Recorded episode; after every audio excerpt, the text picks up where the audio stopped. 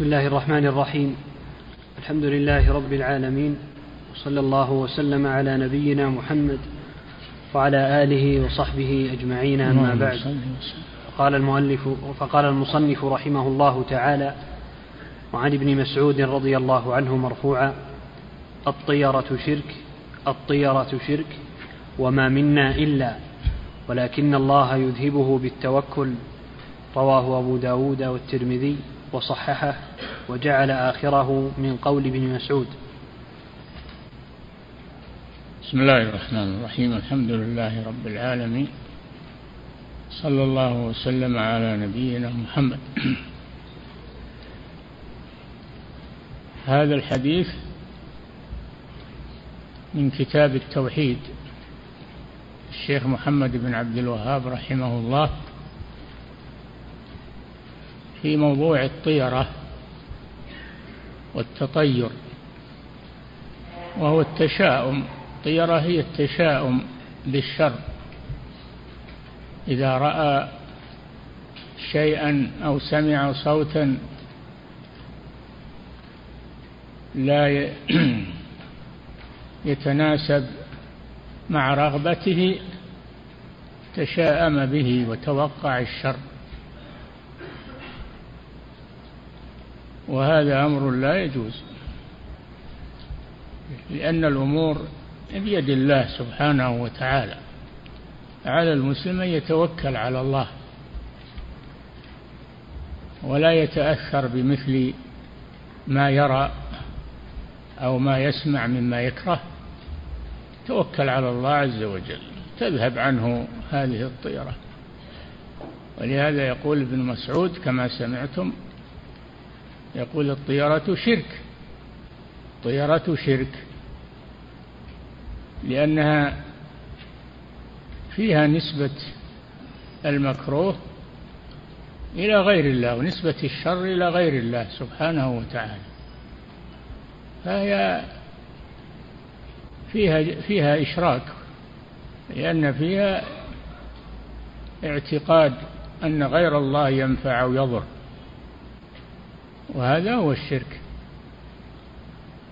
ولكن والإنسان بشر قد يقع في قلبه شيء من إذا رأى شخصا لا يحب رؤيته أو سمع صوتا أن يتشاءم لكن يذهب ذلك بالتوكل على الله. ولهذا قال ابن مسعود وما منا إلا يعني من يجد في نفسه شيئا من الطيرة. ولكن الله يذيبه بالتوكل توكل على الله سبحانه وتعالى. هذا علاجها.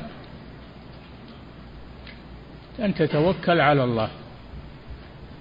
ولا يضرك شيء إلا بإذن الله. ومن يتوكل على الله فهو حسبه. ثم أيضا يدعو بالدعاء الوارد.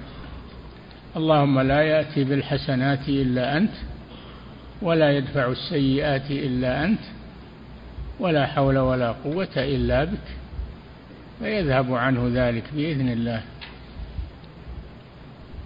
اللهم لا طير إلا طيرك ولا خير إلا خيرك. ولا ولا إله غيرك. بالدعاء هذا مع توكل على الله سبحانه وتعالى ولا تضر الطيرة. نعم. قال المصنف رحمه الله تعالى وعن ابن مسعود رضي الله عنه مرفوعا الطيرة شرك الطيرة شرك وما منا إلا وما منا إلا من يجد في نفسه شيئا منها. ولكن الله يذهبه بالتوكل على الله. نعم. ولكن الله يذهبه بالتوكل. رواه أبو داود والترمذي وصححه وجعل آخره من قول ابن مسعود ورواه ابن ماجه. وهو قوله وما منا إلا. جعله من قول ابن مسعود. الطيرة شرك الطيرة شرك هذا كلام الرسول صلى الله عليه وسلم. وما منا إلا هذا من كلام ابن مسعود. نعم. ورواه ابن ماجه وابن حبان ولفظ أبي داود الطيرة شرك الطيرة شرك الطيرة شرك ثلاثا نعم. وهذا صريح في تحريم الطيرة وأنها من لأن الشرك. الشرك هو أعظم المحرمات. الشرك هو أعظم المحرمات. إذا فالطيرة هي أعظم المحرمات. نعم. وهذا صريح في تحريم الطيرة وأنها من الشرك لما فيها من تعلق القلب على غير الله تعالى. قال ابن حمدان تكره الطيرة وكذا قال غيره من أصحاب أحمد. قال نعم ابن مفلح تكره الطيرة يعني تحرم. إذا جاء لفظ تكره أو يكره عند السلف فمعناه التحريم. كما في قوله تعالى كل ذلك كان سيئه عند ربك مكروها يعني محرما. إنما جعل المكروه ما يثاب تاركه ويعاقب ما يثاب تاركه ويعاقب فاعله هذا اصطلاح المتأخرين. ما عند المتقدمين فالمكروه هو المحرم. نعم. قال ابن مفلح رحمه الله والأولى القطع بتحريمها لأنها شرك. ابن مفلح الحنبلي صاحب الفروع في المذهب وهو إمام جليل. قال قال ابن مفلح رحمه الله والأولى القطع بتحريمها. ولا الأولى القطع بتحريم الطيرة. ولا شك ما دامت أنها شرك فالشرك محرم. نعم. والأولى القطع بتحريمها لأنها شرك. نعم. وكيف يكون الشرك وكيف يكون الشرك مكروها الكراهية الاصطلاحية؟ كراهة التنزيه. الاصطلاحية عند المتأخرين. نعم. قال في شرح السنن وإنما جعل الطيرة من الشرك لأنهم كانوا يعتقدون أن الطيرة تجلب لهم نفعا. قال قال في شرح السنن. شرح السنن للخطابي شرح سنن أبي داود للإمام الخطابي نعم. قال في شرح السنن وإنما جعل الطيرة من الشرك لأنهم كانوا يعتقدون أن الطيرة تجلب لهم نفعا أو تدفع عنهم ضرا إذا عملوا بموجبه فكأنهم أشركوا مع الله تعالى. إذا اعتقد أن الطيرة تجلب الشر أو تجلب الخير هذا شرك بالله لأنه لا يأتي بالحسنات ولا يدفع السيئات إلا الله جل وعلا. نعم. فكأنهم أشركوا مع الله تعالى.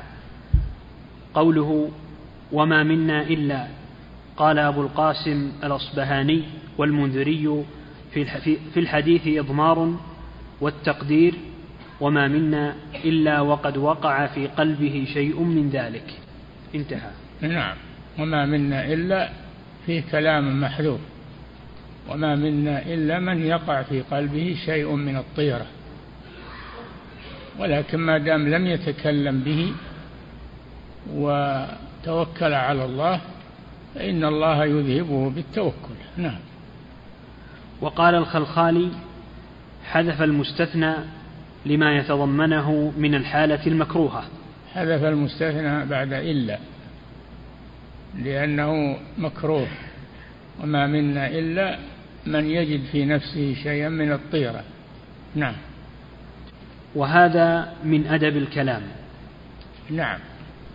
قوله ولكن الله يذهبه بالتوكل أي لكن لما توكلنا على الله في جلب النفع ودفع الضر أذهبه الله عنا بتوكلنا عليه وحده.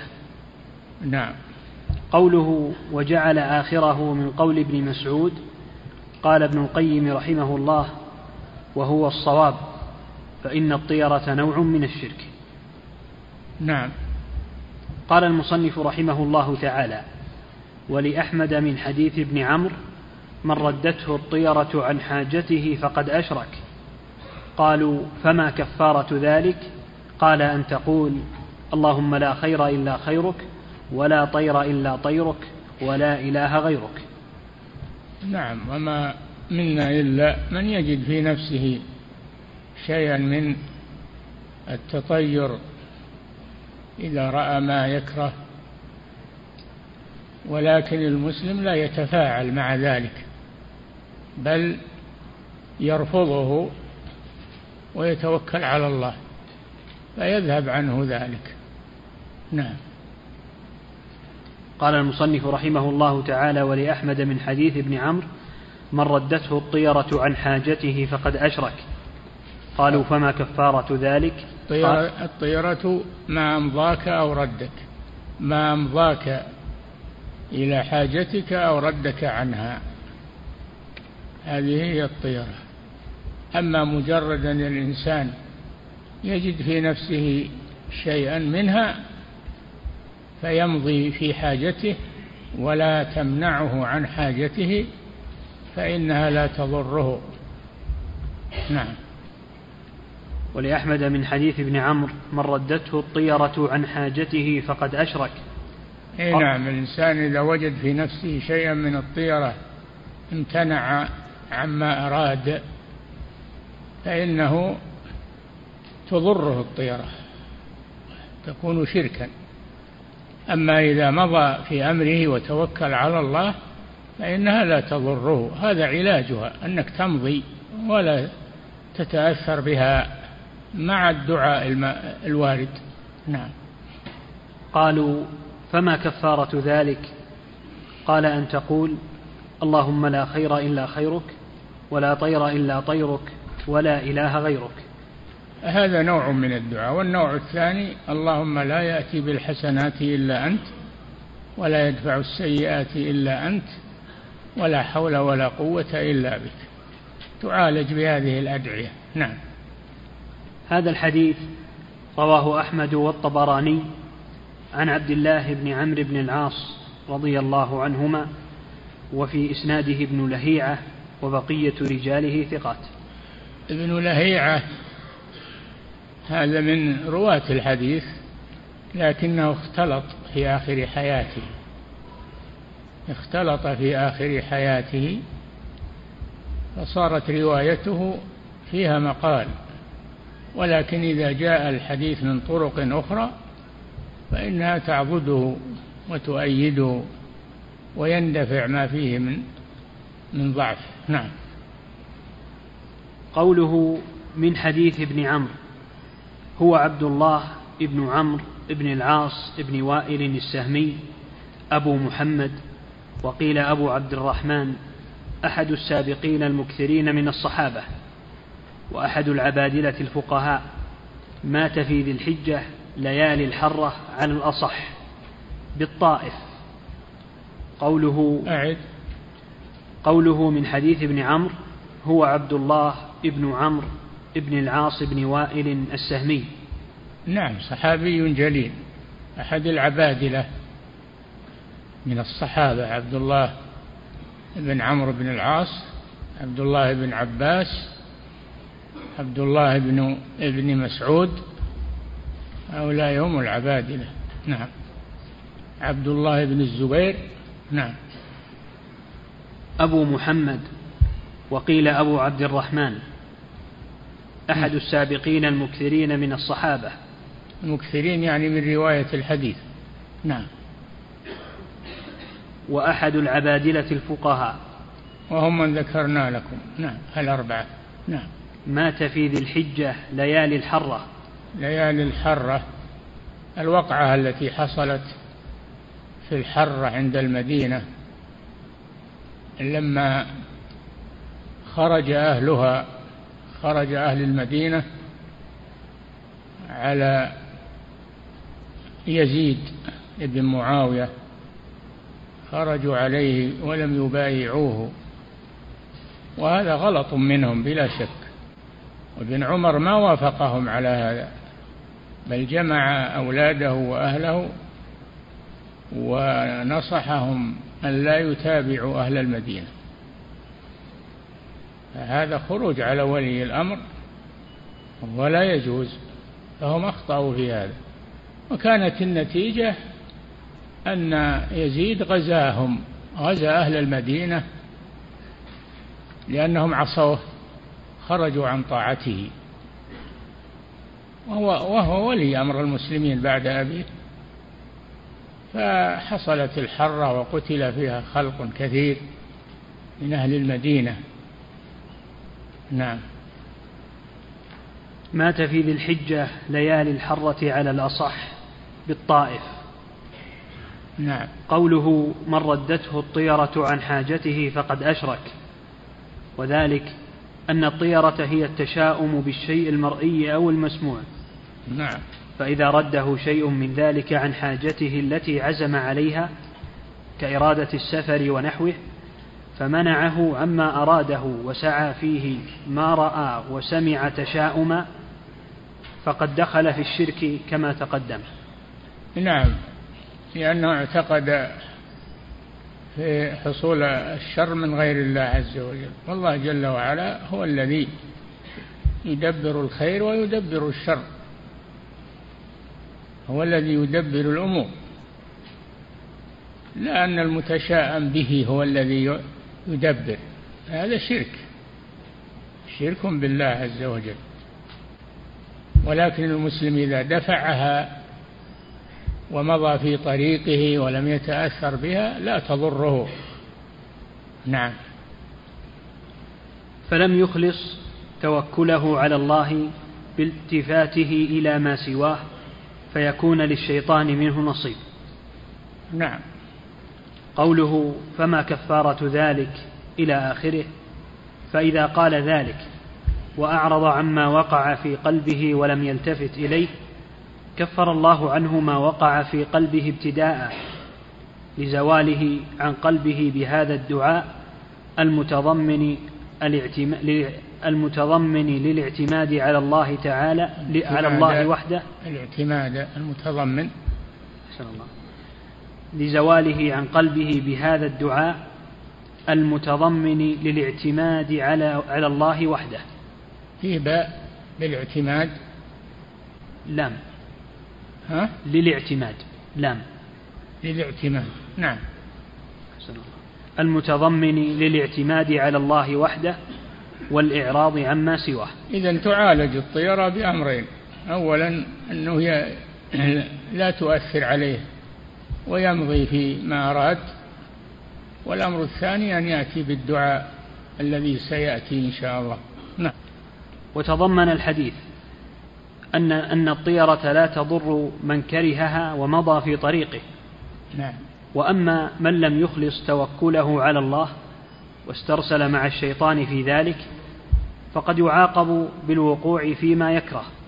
نعم. أما من من تأثر بالطيرة وأمسك عن حاجته خوفا مما يصيبه فإن الله قد يسلط عليه ما خاف منه. سلط عليه ما خاف منه عقوبة له. نعم. وأما من لم يخلص توكله على الله واسترسل مع الشيطان في ذلك فقد يعاقب بالوقوع فيما يكره. لأنه إعراض عن واجب الإيمان بالله وأن الخير كله بيده فهو الذي يجلبه لعبده بمشيئته وإرادته وهو الذي يدفع عنه الضر وحده بقدرته ولطفه وإحسانه. كل الأمور بيد الله سبحانه وتعالى فإذا علقت قلبك بالله فإنها لا تضرك الطيرة. إذا حصل في قلبك شيء منها لا تضرك. نعم. فلا خير إلا منه وهو الذي يدفع الشر عن عبده فما أصابه من ذلك فبذنبه كما قال تعالى ما أصابك من حسنة فمن الله وما أصابك من سيئة فمن نفسك. ما أصابك من حسنة المراد بالحسنة هنا جميع الخير العافية الرزق كل الخير يسمى حسنة. ما هي الحسنة اللي هي الذنب؟ لا أصابك من حسنة يعني ما أصابك من خير فهو من الله عز وجل. وما أصابك من سيئة فمن نفسك يعني ما أصابك مما تكره فإنه بسبب نفسك واعتقادك. وهو مقدر عليك من الله عقوبة. مقدر عليك من الله عقوبة على ما مقع منك من التفاعل مع الطيرة سلط الله عليك ما تكره. أما لو توكلت على الله فالله يمنع عنك ما تكره. بإذنه سبحانه وتعالى لأن الأمور بيده. نعم. قال المصنف رحمه الله تعالى وله يعني المصنف اللي هو الشيخ محمد بن عبد الوهاب في كتاب التوحيد. نعم. قال المصنف رحمه الله تعالى وله من حديث الفضل بن عباس إنما الطيرة ما أمضاك أو ردك. حديث الفضل بن العباس بن عبد المطلب. هو أكبر أولاده أكبر أولاد العباس رضي الله عنه ولهذا يقال له أبو الفضل. نعم. هذا الحديث عند الإمام أحمد من حديث الفضل بن عباس. قال خرجت مع رسول الله صلى الله, صلى الله عليه وسلم يوما فبرح ظبي فمال في شقه فاحتضنته. فقلت يا رسول الله تطيرت؟ فقال إنما الطيرة ما أمضاك أو ردك. أي نعم. ما أمضاك في طريقك أو ردك عن طريقك هذه الطيرة تؤثر عليك. فإذا حصل شيء في قلبك ادفعها بالتوكل على الله ولا تضرك. وامضي فيما عزمت عليه. نعم. وفي إسناده انقطاع أي بين مسلمة راويه وبين الفضل. انقطاع يعني سقط منه راو. انقطاع إذا سقط من الحديث راو في أوله في أول السند أو في وسطه أو في آخره يقال هذا حديث منقطع. نعم فإن سقط منه راويان متواليان يسمى بالمعضل. يسمى بالمعضل. نعم. وفي إسناده انقطاع أي بين مسلمة راويه وبين الفضل وهو الفضل بن وهو الفضل بن العباس ابن عبد المطلب ابن عم النبي صلى الله عليه وسلم. قال ابن معين قتل يوم اليرموك. قتل الفضل بن العباس يوم غزوة اليرموك مع الروم. بقيادة خالد بن الوليد رضي الله عنه. نعم. وقال غيره قتل يوم مرج الصفر سنة ثلاث عشرة وهو مرج الصفر بالشام. مرج الصفر والمرج هو البستان. مرج الصفر هذا في في في الشام. نعم. قتل يوم مرج الصفر. حصل فيه وقعة. سميت الوقعة مرج الصفر. نعم. قتل يوم مرج الصفر سنة ثلاث عشرة. نعم. وهو ابن اثنتين وعشرين سنة. نعم. وقال أبو داود قتل بدمشق كان عليه درع النبي صلى الله عليه وسلم. أي مرج الصفر في دمشق لا تنافي نعم. قوله إنما الطيرة ما أمضاك أو ردك. هذا حد الطيرة المنهي عنها لأنها ما يحمل الإنسان على المضي فيما أراده ويمنعه من المضي فيه كذلك. اللي تؤثر عليه الطيرة يأثم بذلك وهذا شرك. الذي لا تؤثر عليه ويمضي في طريقه لا تضره. وأما الفأل الذي كان يحبه النبي صلى الله عليه وسلم فيه نوع بشارة فيسر به العبد ولا يعتمد عليه.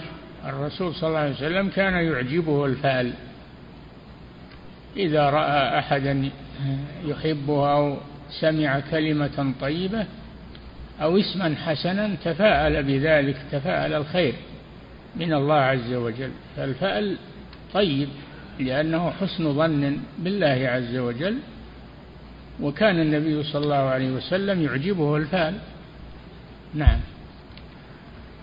فيسر به العبد ولا يعتمد عليه بخلاف ما بخلاف ما يمضيه أو يرده.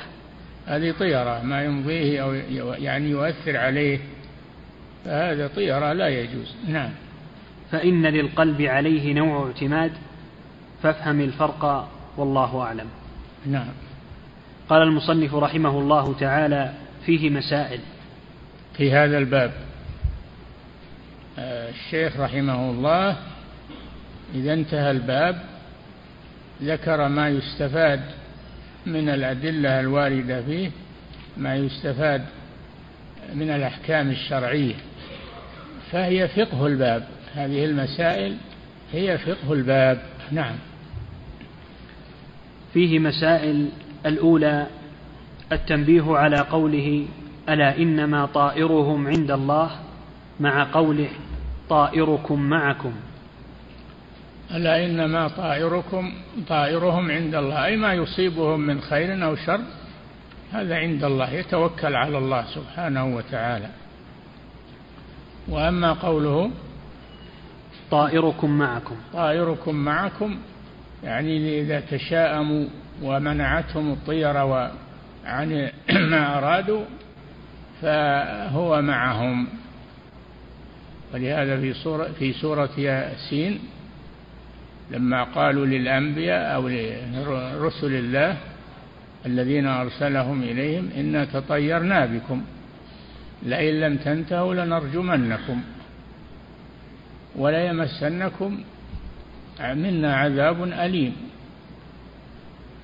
قالوا قالت الرسل طائركم معكم هذا منكم وهو الذي أثر عليكم وليس بسببنا. ما أصابكم هو بسبب تطيركم وليس بسبب الرسل التي جاءتهم بالخير. بنو إسرائيل إذا أصابتهم الحسنة قالوا لنا هذا وإن تصبهم سيئة يطيروا بموسى ومن معه. نعم. هذه الطيرة قديمة هذه. نعم. الثانية نفي العدوى. الفائدة الثانية نفي العدوى. نفي العدوى لا عدوى ولا طيرة يعني أن المرض لا يتعدى بنفسه كما تعتقده الجاهلية وإنما يتعدى بأمر الله سبحانه وتعالى. فهو الذي ينقل المرض من عضو إلى عضو أو من شخص إلى شخص أو من بلد إلى بلد. هو الذي الله جل وعلا هو الذي ينقل هذا المرض.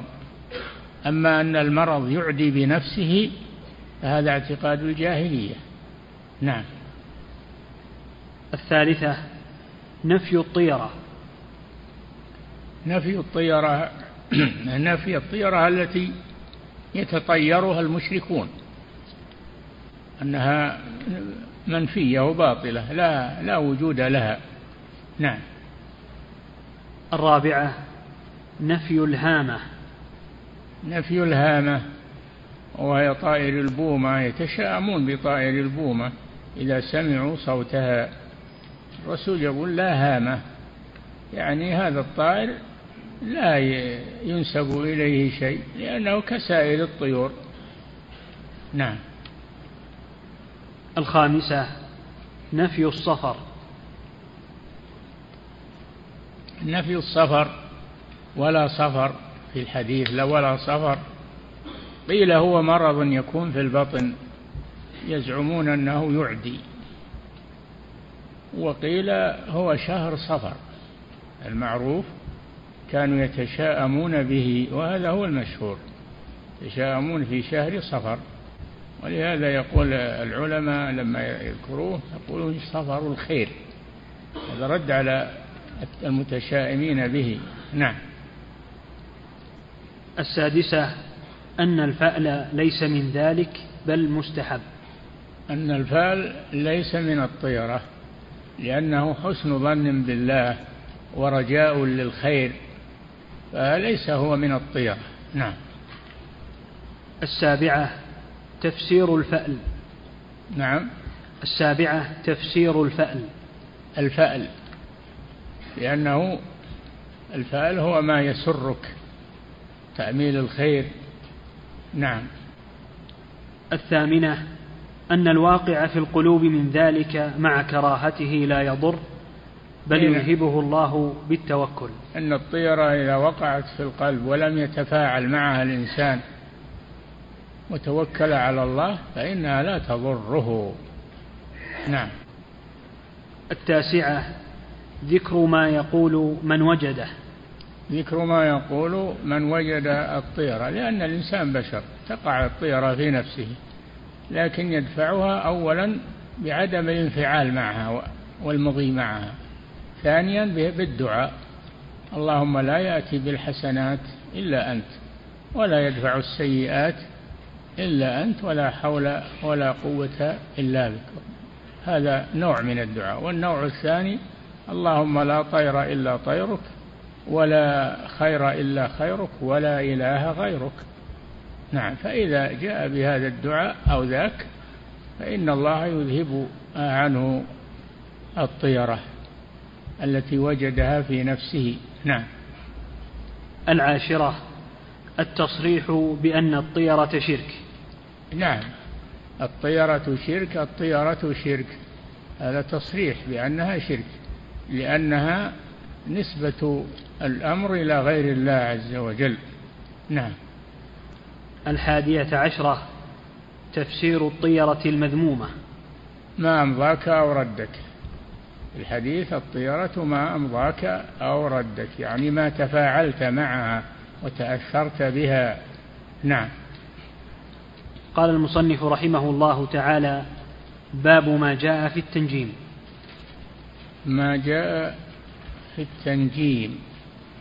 التنجيم هو الاعتقاد في النجوم. إذا طلع النجم الفلاني قال له لا تسافرون لا تغزون لا لا تزرعون. تشاءمون في بعض النجوم. التنجيم هو نسبة الحوادث الأرضية إلى الأحوال الفلكية. هذا هو التنجيم. نسبة الحوادث الأرضية إلى إلى نسبة الحوادث الأرضية إلى الأحوال الفلكية. تشاءمون بالنجوم. وهذا التنجيم شرك. الذي يعتقد في النجوم. النجوم لا مخلوقة ليس لها تصرف في الكون. خلقها الله لثلاث. زينة للسماء ورجوما للشياطين وعلامات يهتدى بها في الطرق والأسفار.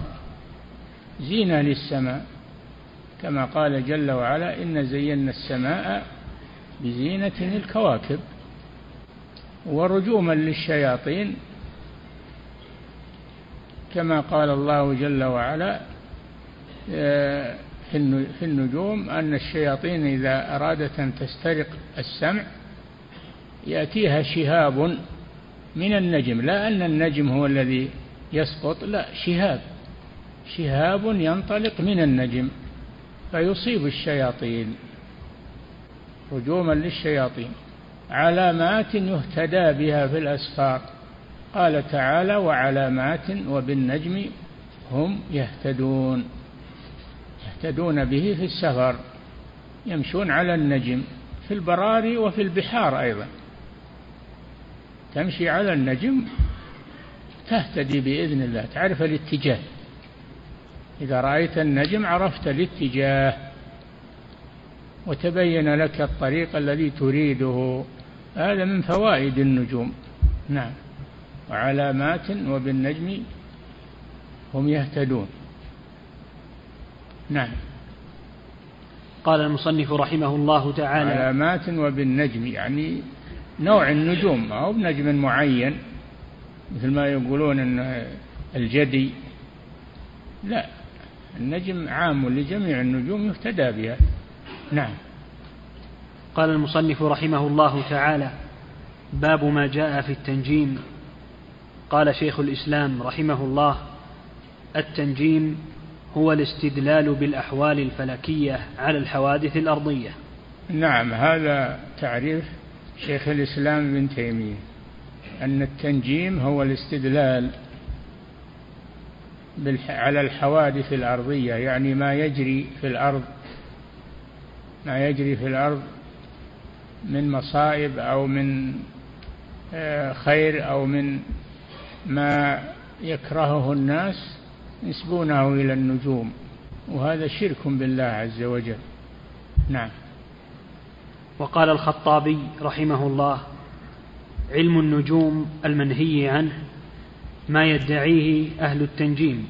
نعم علم النجوم على نوعين علم التأثير وهذا هو المحرم أن النجوم تؤثر الحوادث الأرضية.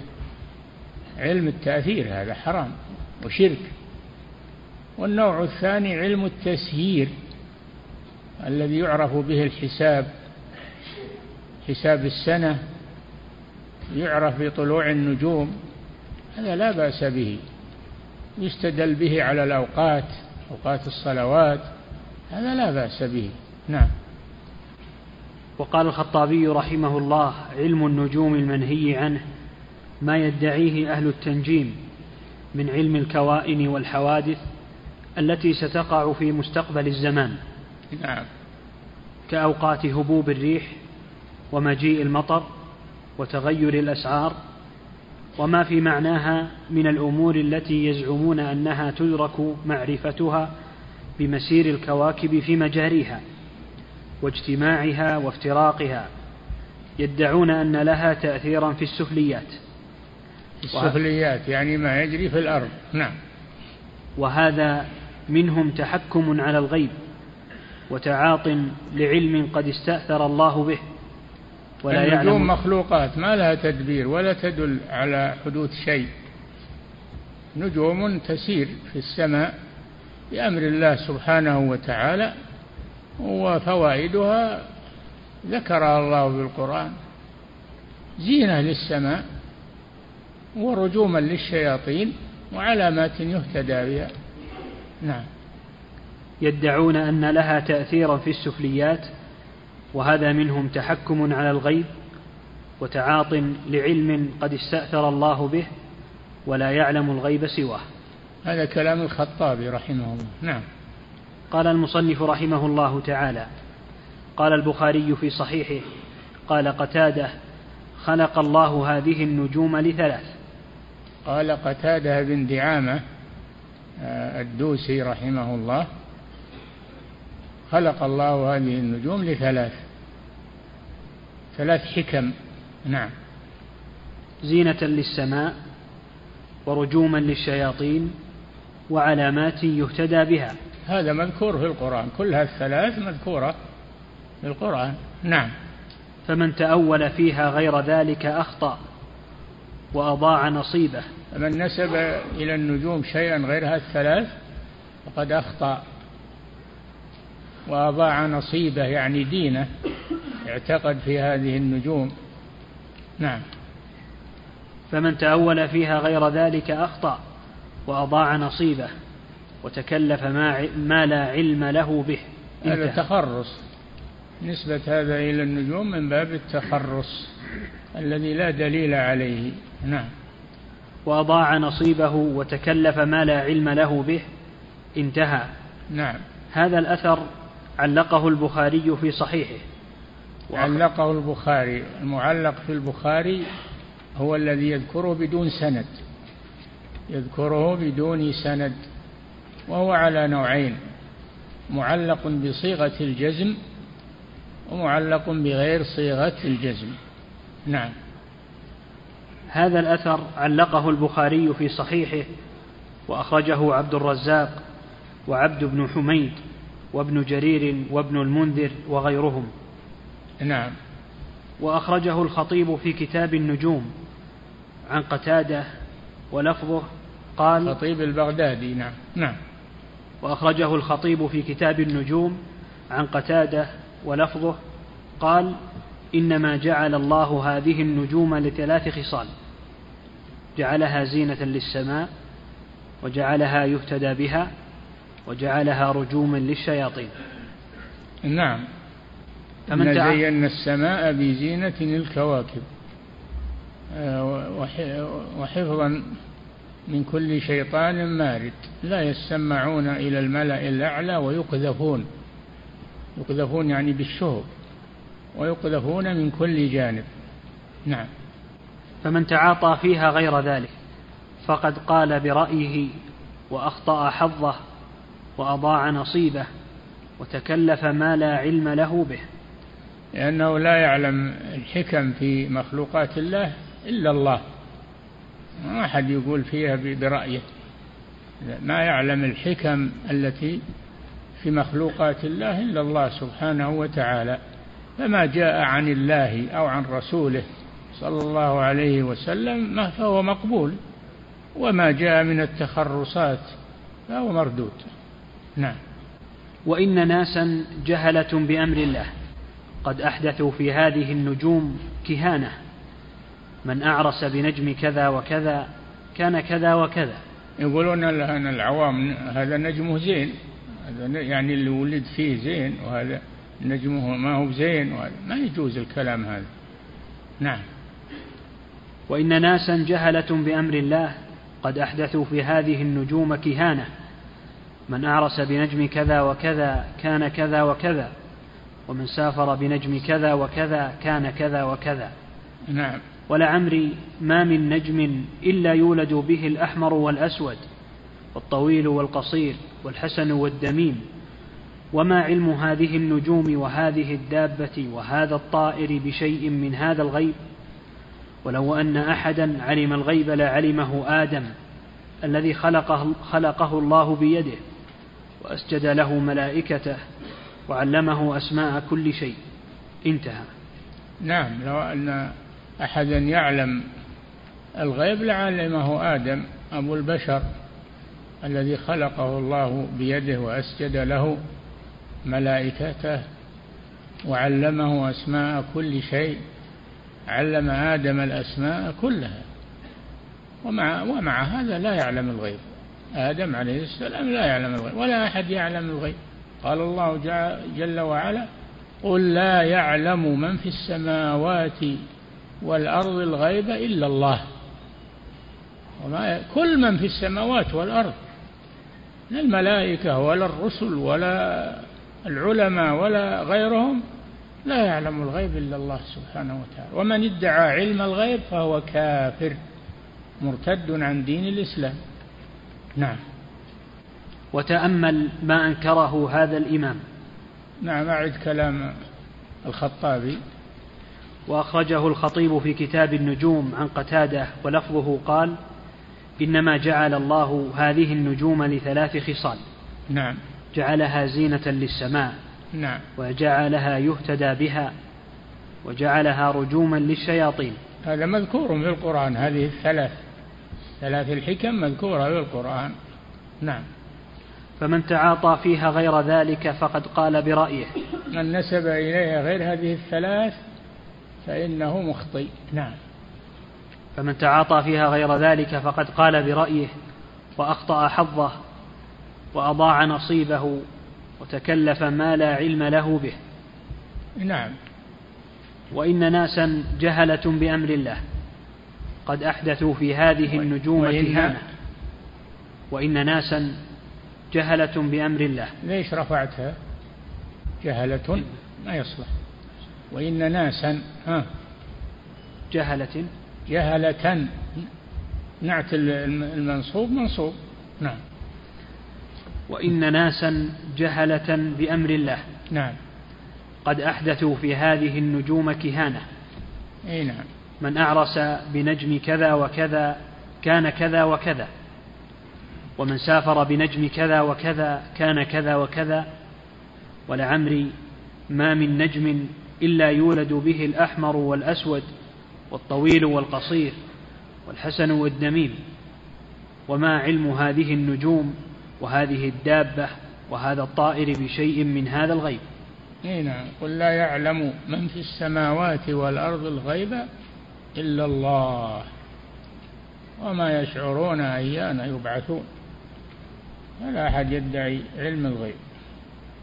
إلا الله جل وعلا هو الذي يعلم الغيب. الله جل وعلا قال عن نبيه ولو كنت أعلم الغيب لاستكثرت من الخير وما مسني السوء. إن أنا إلا نذير وبشير لقوم يؤمنون. الرسول يقول إنه ما يعلم الغيب عليه الصلاة والسلام. نعم. ولو كنت أعلم الغيب لاستكثرت من الخير. نعم. ولو أن أحدا علم الغيب لعلمه آدم الذي خلقه الله بيده وأسجد له ملائكته وعلمه أسماء كل شيء. انتهى. نعم. ما علم الغيب آدم عليه السلام. كذلك غيره. نعم. وتأمل ما أنكره هذا الإمام. مما حدث من هذه المنكرات. الملائكة الكرام قالوا سبحانك لا علم لنا إلا ما علمتنا. نعم. وتأمل ما أنكره هذا الإمام. مما حدث من هذه المنكرات في عصر التابعين. وما إيه. زال الشر يزداد في كل عصر بعده. قتادة من التابعين. نعم.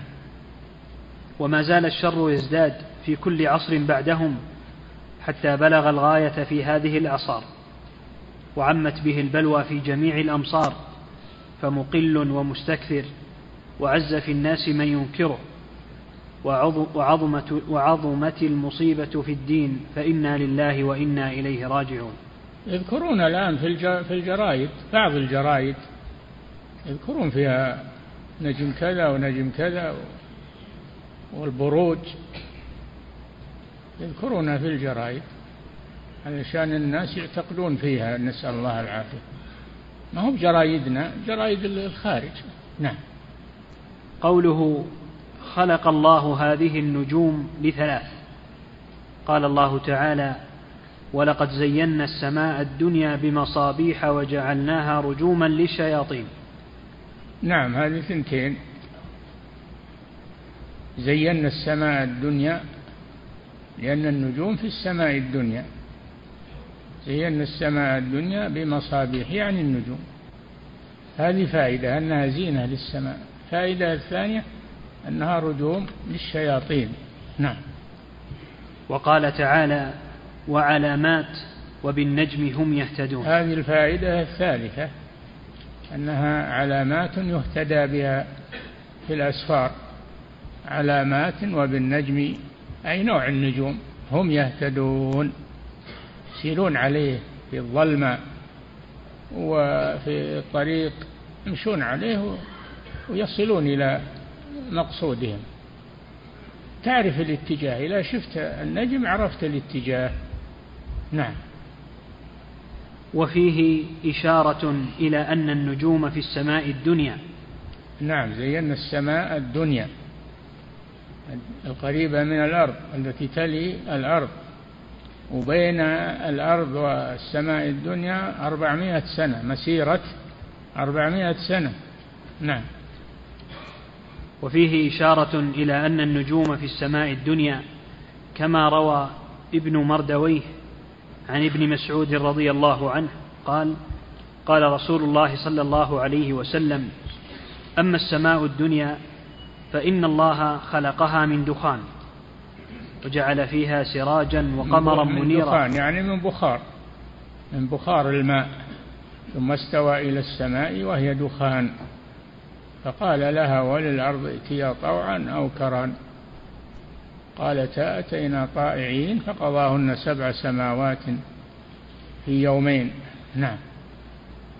أما السماء الدنيا فإن الله خلقها من دخان وجعل فيها سراجا وقمرا منيرا. سراج الشمس يعني والقمر معروف. نعم. وزينها بمصابيح وجعلها رجوما للشياطين. نعم. وحفظا من كل شيطان. زينها بمصابيح هي النجوم نعم. وجعل هذه المصابيح رجوما للشياطين. نعم. وجعلها رجوما للشياطين. ما هي النجم نفسه ينطلق؟ لا شظية شظية من النجم تنطلق وتصيب الشيطان. نعم. وحفظا من كل شيطان رجيم. نعم. قوله وعلامات أي دلالات على الجهات. نعم.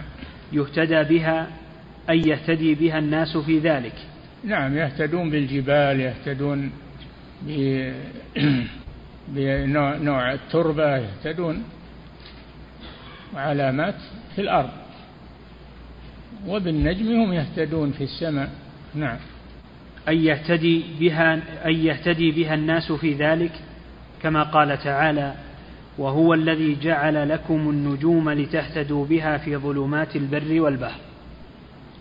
وعلامات وبالنجم وهنا جعل لكم النجوم لتهتدوا بها دل على أن المراد بالنجم نوع النجم ما هو نجم معين.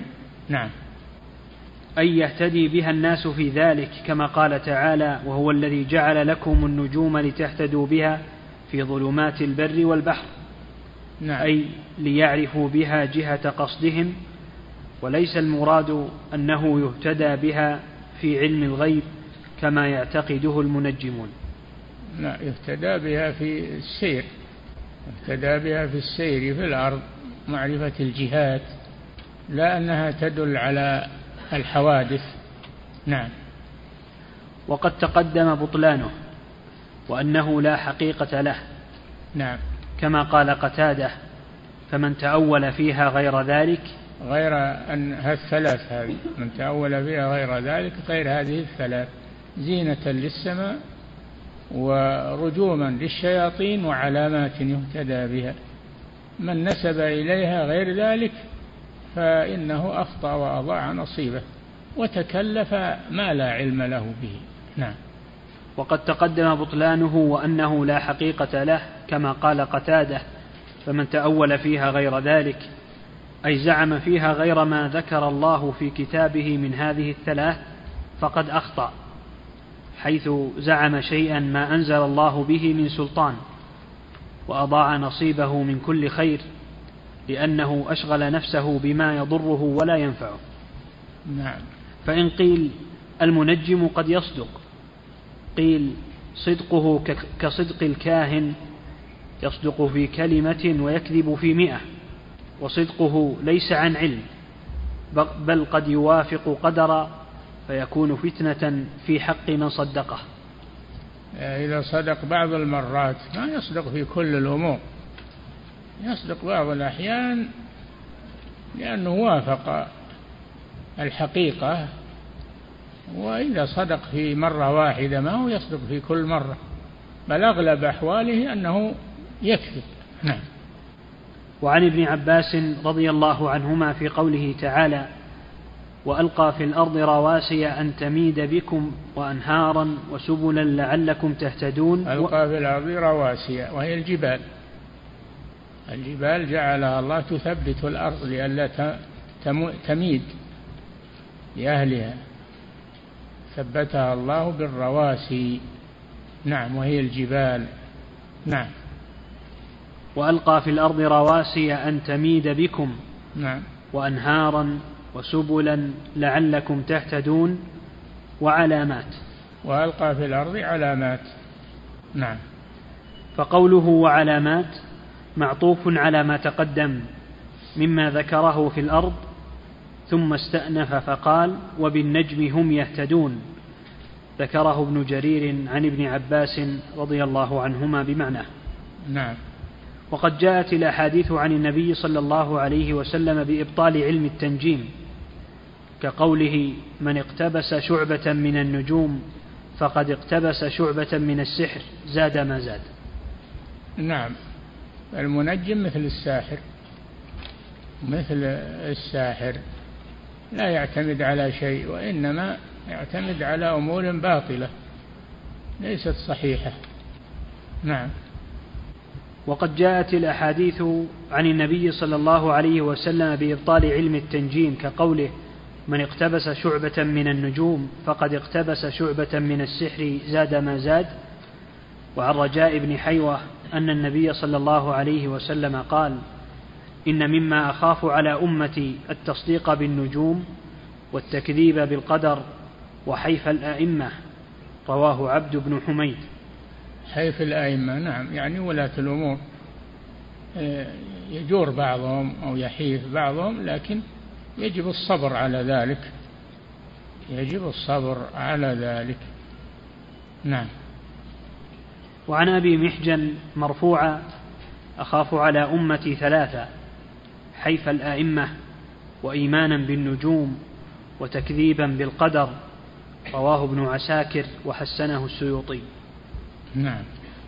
وعن أنس رضي الله عنه مرفوعا أخاف على أمتي بعدي خصلتين تكذيبا بالقدر وإيمانا بالنجوم رواه أبو يعلى وابن عدي والخطيب في كتاب النجوم وحسنه السيوطي أيضا. نعم كل هذه الآثار تدل على أنه لا يعتقد في النجوم غير ما خلقها الله من أجله زينة للسماء ورجوما للشياطين وعلامات يهتدى بها. نعم. والأحاديث في ذم التنجيم والتحذير منه كثيرة. نعم. قال المصنف رحمه الله تعالى يكفي. نعم. أحسن الله إليكم فضيلة الشيخ هذا سائل يقول ما معنى لا طير إلا طيرك يعني أن ما يحصل ليس بسبب الطيرة وإنما هو من من قضائك وقدرك. نعم. أحسن الله إليكم فضيلة الشيخ هذا سائل يقول يقول بعض العامة في وجهك الخير فال, فال خير علي. تفاؤل طيب التفاؤل طيب لا بأس. نعم.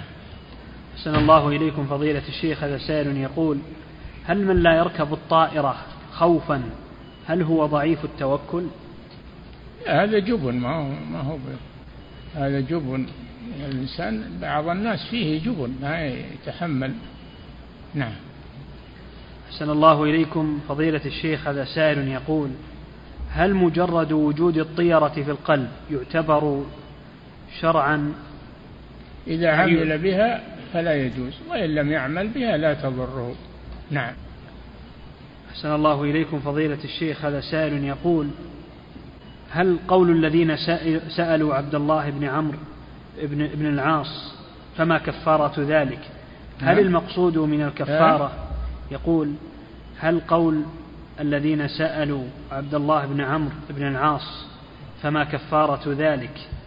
المقصود من الكفارة عما وقع في القلب ولم يعمل به. اي نعم. يذهب يذهب ما في القلب. نعم. أحسن الله إليكم فضيلة الشيخ. هذا سائل يقول هل الشرك الأصغر يقع في توحيد الأسماء والصفات؟ الشرك الأصغر يقع في العبادة الشرك في العبادة. نعم. أحسن الله إليكم فضيلة الشيخ هذا سائل يقول ما معنى قوله فبرح ظبي فمال في شقه فاحتضنته؟ نعم. يقول ما معنى فبرح ظبي فمال في شقه فاحتضنته؟ يعني هرب. هرب فأمسكه. نعم. أحسن الله إليكم. فضيلة الشيخ هذا سائل يقول قرأت أن العبادلة الأربعة هم عبد الله بن عمرو وعبد الله بن الزبير وعبد الله بن عباس وعبد الله بن عمرو بن عمر. فهل هذا صحيح؟ نعم. هؤلاء هم العبادلة. نعم. أحسن الله إليكم فضيلة الشيخ هذا سائل يقول الطيرة التي تؤثر على الشخص في رده هل هي من الشرك الأكبر أم الأصغر؟ الأصغر. من الشرك الأصغر. نعم. أحسن الله إليكم فضيلة الشيخ هذا سائل يقول من أراد السفر ثم رأى حادثة فرجع فهل هذا من التطير؟ أي نعم هذا من التشاؤم. يمضي ويتوكل على الله. ولا يصيبه إلا ما قدر الله له. نعم. أحسن الله إليكم فضيلة الشيخ هذا سائل يقول أنا من خارج هذه البلاد وأتطير ولم أكن أعلم بحكمه فما فماذا أفعل بعد ذلك؟ تب إلى الله تب إلى الله ولا تتطير. وإذا وجدت شيئا فأنت تعالجه بالدعاء يذهب عنك بإذن الله. نعم. أحسن الله إليكم فضيلة الشيخ هذا سائل يقول كثير من الناس إذا أصابهم مكروه قالوا من العين أو الحسد فهل هذا من التطير؟ نعم. يقول كثير من الناس إذا أصابهم مكروه قالوا من العين أو الحسد. يعني يتوقعون هذا العين حق العين حق تصيب بإذن الله والحسد هو نفس العاين حاسد. نعم. أحسن الله إليكم فضيلة الشيخ هذا سائل يقول لو تشاءم ومن شر, ومن شر حاسد إذا حسد. هو العاين. نعم. أحسن الله إليكم فضيلة الشيخ هذا سائل يقول لو تشاءم إنسان واعتقد أن النافع والضار هو الله وإنما يجعل التشاؤم وإنما يجعل التشاؤم كالأمارة. لا ما يجوز هذا. يتوكل على الله ويعتمد على الله ولا يتأثر بالتشاؤم. نعم. سن الله إليكم فضيلة الشيخ. هذا سائل يقول هل كل شيء يقع في قلب الإنسان ويدافعه لا يضره كالحسد والرياء؟ إي نعم إذا دفع لا يضره. نعم. أحسن الله إليكم فضيلة الشيخ. هذا سائل يقول هل يجوز التسمي بخير يقول هل هل يجوز التسمي باسم خير؟ لا بأس. الأسماء الأصل فيها الإباحة إلا ما تضمن معنى سيئا. نعم. أحسن الله إليكم فضيلة الشيخ. هذا سائل يقول هل من ردته الرؤى عن الفعل يعد من التطير؟ لا الرؤيا حق ولكن إذا رأى رؤيا يسأل عنها المعبرين يسأل عنها المعبرين ويجد تأويلها. نعم. أحسن الله إليكم فضيلة الشيخ هذا سائل يقول هل ما ينشر في المجلات آه، يقول آه، التعلق بالأبراج يعد من التنجيم؟ أي نعم هو التنجيم. نعم هو التنجيم. نعم. أحسن الله إليكم فضيلة الشيخ هذا سائل يقول هل الطيرة خاصة بالتشاؤم بالطيور؟ أصلها أصلها التشاؤم بالطيور. هذا الأصل. وتوسعت صار التشاؤم في الطيور وفي غيرها. نعم. أحسن الله إليكم فضيلة الشيخ هذا سائل يقول إذا طلب شخص من أخيه أمرا ورد عليه بقوله خيرا إن شاء الله فقال الآخر الخير في وجهك فهل يعد هذا من التفاؤل؟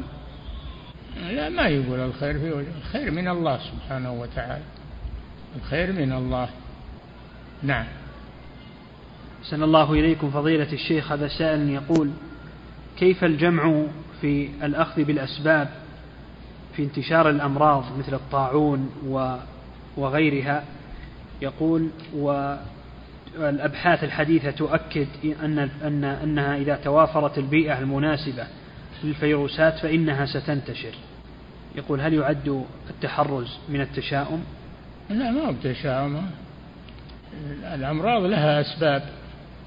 لها أسباب في البيئة لها أسباب في الجو لها أسباب في المخالطة. لها أسباب ما, ما في شك.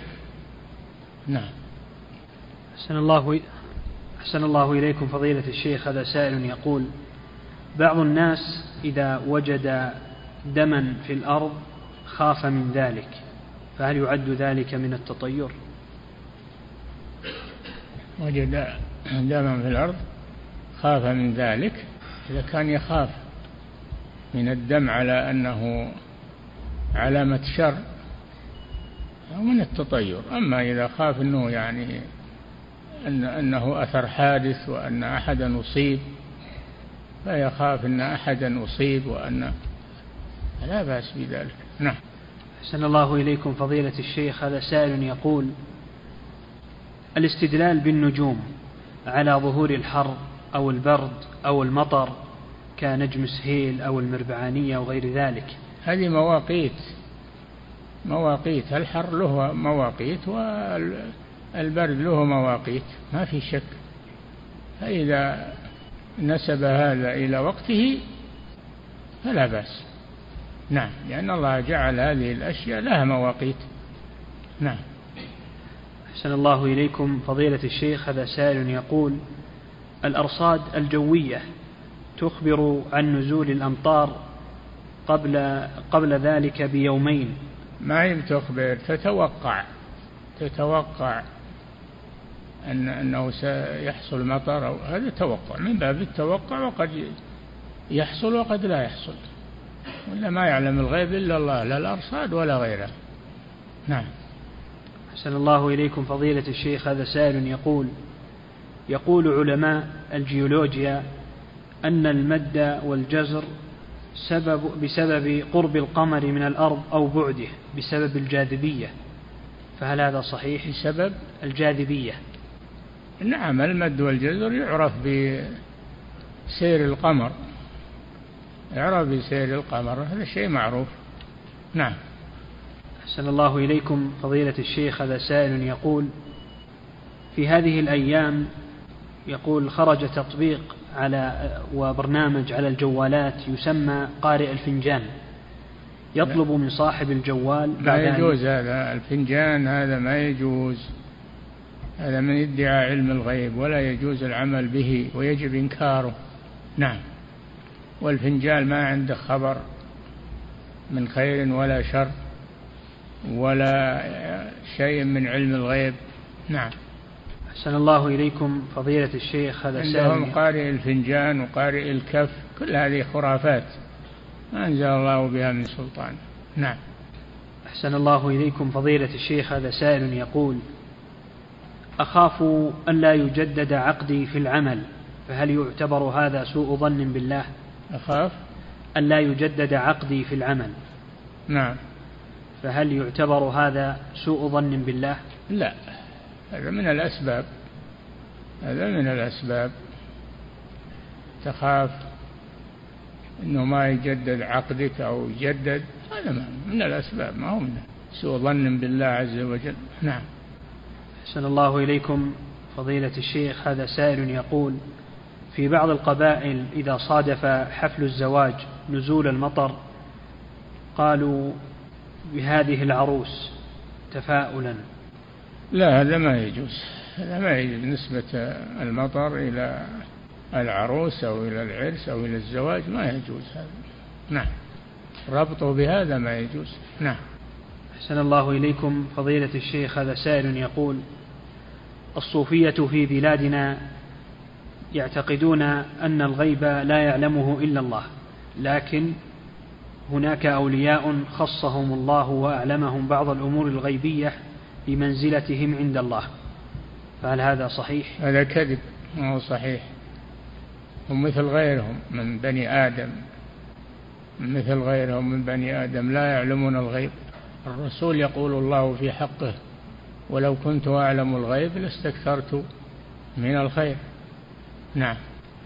أحسن الله إليكم فضيلة الشيخ هذا سائل يقول من يزرع الزرع إذا دخل نجم معين هل يعد هذا من التنجيم؟ لا هذا وقت البذور معروف وقت البذور. فإذا بذر في وقت البذور فلا بأس بذلك. نعم. أحسن الله إليكم فضيلة الشيخ هذا سائل يقول كيف نميز الدجالين الذين يزعمون علم الغيب في المستقبل؟ إخباراتهم إذا أخبروا عن المستقبل وما يحدث فيه فهم كذبة. نعم. أحسن الله إليكم فضيلة الشيخ هذا سائل يقول قوله لعمري هل هذا قسم؟ لا هذا يجري على اللسان ولا يقصد به القسم. نعم. أحسن الله إليكم فضيلة الشيخ هذا سائل يقول من يشاهد قنوات التنجيم ما حكمه؟ لا يجوز هذا لأنه سيتأثر بها أو يخاف منها فلا يجوز له هذا. نعم يبتعد عنها. نعم. أحسن الله إليكم فضيلة الشيخ هذا سائل يقول هل تخالف سنة الخلفاء سنة رسول الله صلى الله عليه وسلم؟ لا. سنة الخلفاء موافقة لسنة الرسول صلى الله عليه وسلم فهي بيانية تبين سنة الرسول صلى الله عليه وسلم. نعم. أحسن الله إليكم فضيلة الشيخ هذا سائل يقول من يريد حفظ كتاب التوحيد هل يحفظه مع المسائل؟ إي نعم المسائل هي فقه الباب. هي فقه الباب فتحفظها مع مع الباب. نعم. أحسن الله إليكم فضيلة الشيخ هذا سائل يقول ما حكم قول الله ورسوله وآله وآله أعلم؟ لا الله أعلم. أما في حياة الرسول صلى الله عليه وسلم فيقال الله ورسوله أعلم. لكن بعد وفاة الرسول يقال الله أعلم. نعم. أحسن الله إليكم فضيلة الشيخ. هذا سائل يقول ما مقدار المهر الشرعي؟ يقول ما مقدار المهر الشرعي؟ حسب العرف والعادة. ما له مقدار معين حسب العرف والعادة إلا أنه استحب تيسير المهور. استحب تيسير المهور. أما التحديد فلا يصح. ما يصح تحديد المهور. نعم. أحسن الله إليكم فضيلة الشيخ هذا سائل يقول هل يجوز أن تخرج الزكاة زكاة المال بأطعمة أو ملابس؟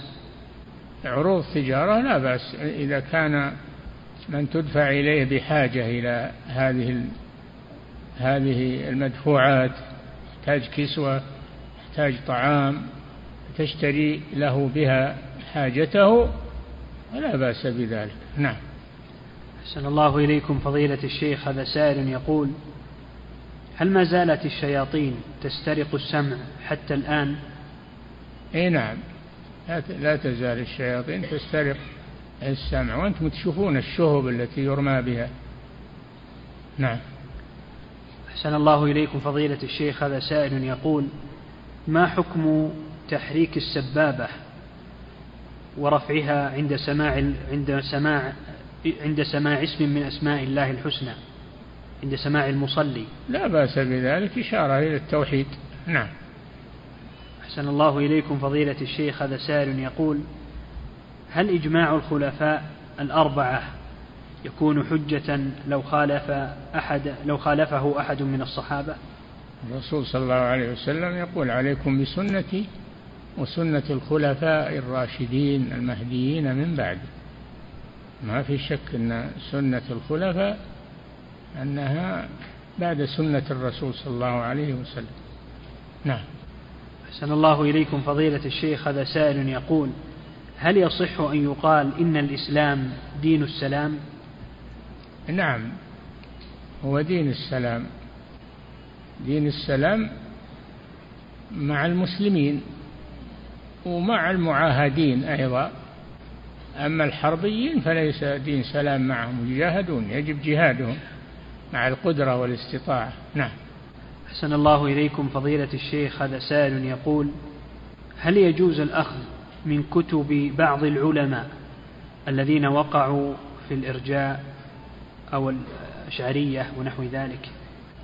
الحق خذه وأما غير الحق أو اللي ما تدري عنه حق ولا اتركه نعم.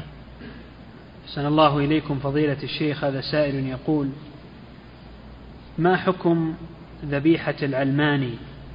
سمعت أنه سمعت من يقول أنها لا تجوز لأنهم ملاحدة.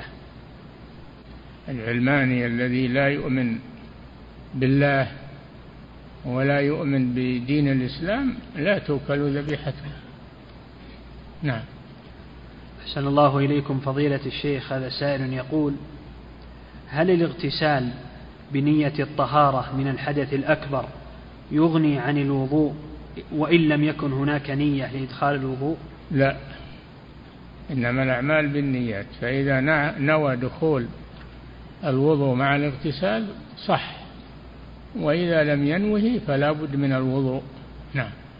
أحسن الله إليكم. فضيلة الشيخ هذا سائل يقول ما حكم تسمية الأشهر بالحيوانات؟ وكل حيوان له صفات وكل من ولد في هذا الشهر له صفات يمتاز بها هذا الحيوان وما تسمى بالأبراج. والله ما أعرف هذا هذا من اعتقاد الجاهلية. نعم. أحسن الله إليكم فضيلة الشيخ هذا سائل يقول هل يقوم ولد المطلقة بالولاية عن والدته المطلقة في عقد زواجها؟ نعم. إذا كان بالغا إذا كان بالغا رشيدا فإنه هو الذي يتولى العقد على أمه. نعم. أحسن الله إليكم فضيلة الشيخ هذا سائل يقول أخواتي يخرجن مع السائق دون محرم فهل علي ضربهن حتى لا يخرجن معه؟ إذا كنا في البلد وهن جماعة لا بأس. جماعة من النساء مع سائق لا بأس. في البلد.